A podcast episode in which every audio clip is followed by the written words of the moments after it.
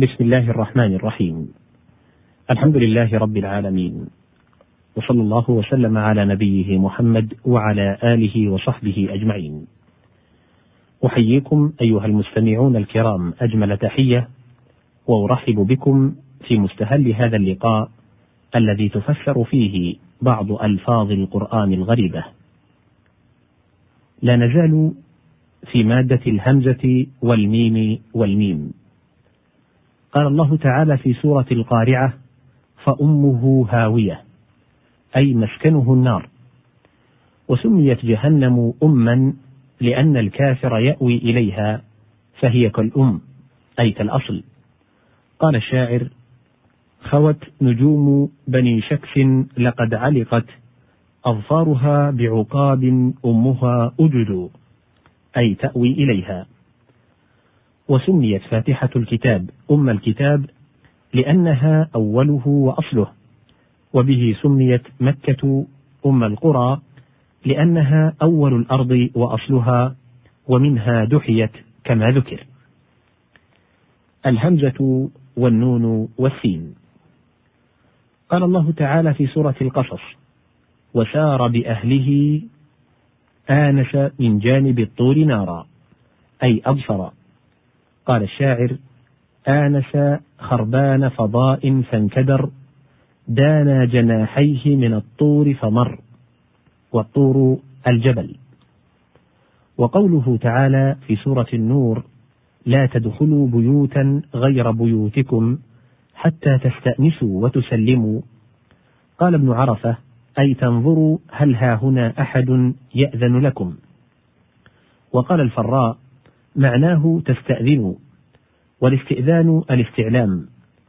وآنست منه كذا وكذا أي علمت. يقول حتى تستعلموا أمطلق لكم الدخول أم لا؟ ومنه حديث عبد الله كان إذا دخل داره استأنس وتكلم. قال الأزهري العرب تقول اذهب فاستأنس هل ترى أحدا؟ معناه تبصر. قال النابغة كأن رحلي وقد زال النهار بنا يوم الجليل على مستأنس وحدي. وهي من قصيدته التي يمدح بها النعمان ويعتذر إليه والتي مطلعها يا دار مية بالعلياء فالسند أقوت وطال عليها سالف الأمد ويروى بذي الجليل وذو الجليل هنا واد قرب مكة. وزال النهار انتصف وارتفع وقيل ذهب وقيل برح. الهمزة والنون والميم.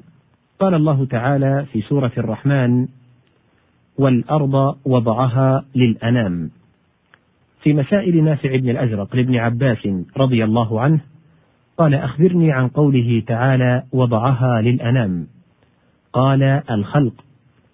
قال وهل تعرف العرب ذلك؟ قال نعم. أما سمعت قول لبيد ابن ربيعة فإن تسألين مما نحن فإننا عصافير من هذه الأنام المسخر الهمزة والنون والنون. قال الله تعالى في سورة آل عمران قال يا مريم أنى لك هذا قالت هو من عند الله. أنى لك هذا أي من أين لك هذا؟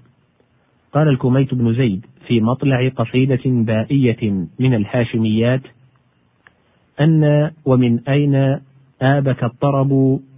من حيث لا صبوة ولا ريب. الهمزة والنون والياء.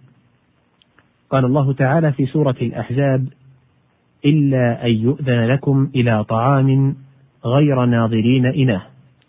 أي إدراكه وبلوغه. ويقال أن لك أن تفعل يأنى أنين والاسم إني وأنا أبلغ. أدرك قال عمرو بن حسان من أبيات ذكر فيها الملوك من المناذرة والأكاسرة تمخضت المنون له بيوم أنا ولكل حاملة تمام وقال تعالى في سورة آل عمران يتلون آيات الله آناء الليل وهم يسجدون. أي ساعات الليل واحدها إني تقديره حسي والجميع أحساء وقال المتنخل الهذلي وهو أبو أسيلة حلو ومر كعطف القدح مرته في كل إني قضاه الليل ينتعل. وأبو أسيلة هو مالك بن عمر ابن عثمان ابن سويد من بني لحيان ابن هذيل والبيت من قصيدة يرثي بها ابنه أسيلة. وفي مسائل نافع بن الأزرق لابن عباس رضي الله عنه قال أخبرني عن قوله تعالى حميم آن. قال الآن الذي انتهى طبخه وحره. قال وهل تعرف العرب ذلك؟ قال نعم. أما سمعت قول نابغة بني ذبيان ويخصب لحية غدرت وخانت بأحمى من نجيع الجوف آني. الهمزة والواو والباء. قال الله تعالى في سورة سبأ يا جبال أوبي معه والطير وألنا له الحديد. يا جبال أوبي معه أي سبحي وأصله التأويب في السير. وهو أن تسير النهار كله وتنزل ليلا. قال ابن مقبل لحقنا بحي أوبوا السير بعدما دفعنا شعاع الشمس والطرف يحسر. كأنه أراد أوب النهار كله بالتسبيح إلى الليل. وقال سلامة بن جندل يومان يوم مقامات وأندية ويوم سير إلى الأعداء تأويبي أي رجوع.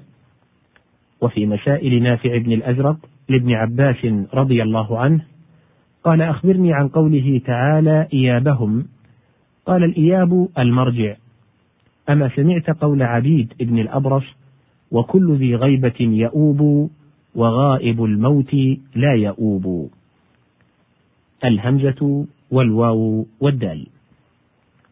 قال الله تعالى في سورة البقرة ولا يؤوده حفظهما وهو العلي العظيم. ولا يؤوده أي ولا يثقله. تقول لقد آداني هذا الأمر. قال الكميت عليك كالنهاء مضاعفات من الماذي لم تؤود متونا. وتقول ما أداك فهو لي آئد. أي ما أثقلك فهو لي مثقل والنهاء الغدران. وفي مسائل نافع بن الأزرق لابن عباس رضي الله عنه قال أخبرني عن قوله تعالى ولا يؤوده قال لا يثقله أما سمعت قول الشاعر يعطي المئين ولا يؤوده حملها محض الضرائب ماجد الأخلاق الهمزة والواو واللام. قال الله تعالى في سورة آل عمران فيتبعون ما تشابه منه ابتغاء الفتنة وابتغاء تأويله. قال الأعشى في في تفسير معنى التأويل بالتفسير على أنها كانت تأول حبها تأول ربعي الثقاب فأصحبا.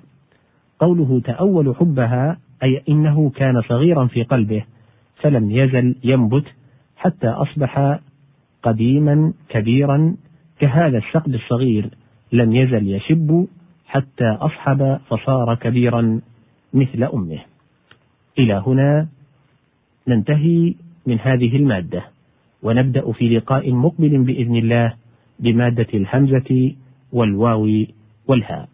أستودعكم الله والسلام عليكم ورحمة الله وبركاته.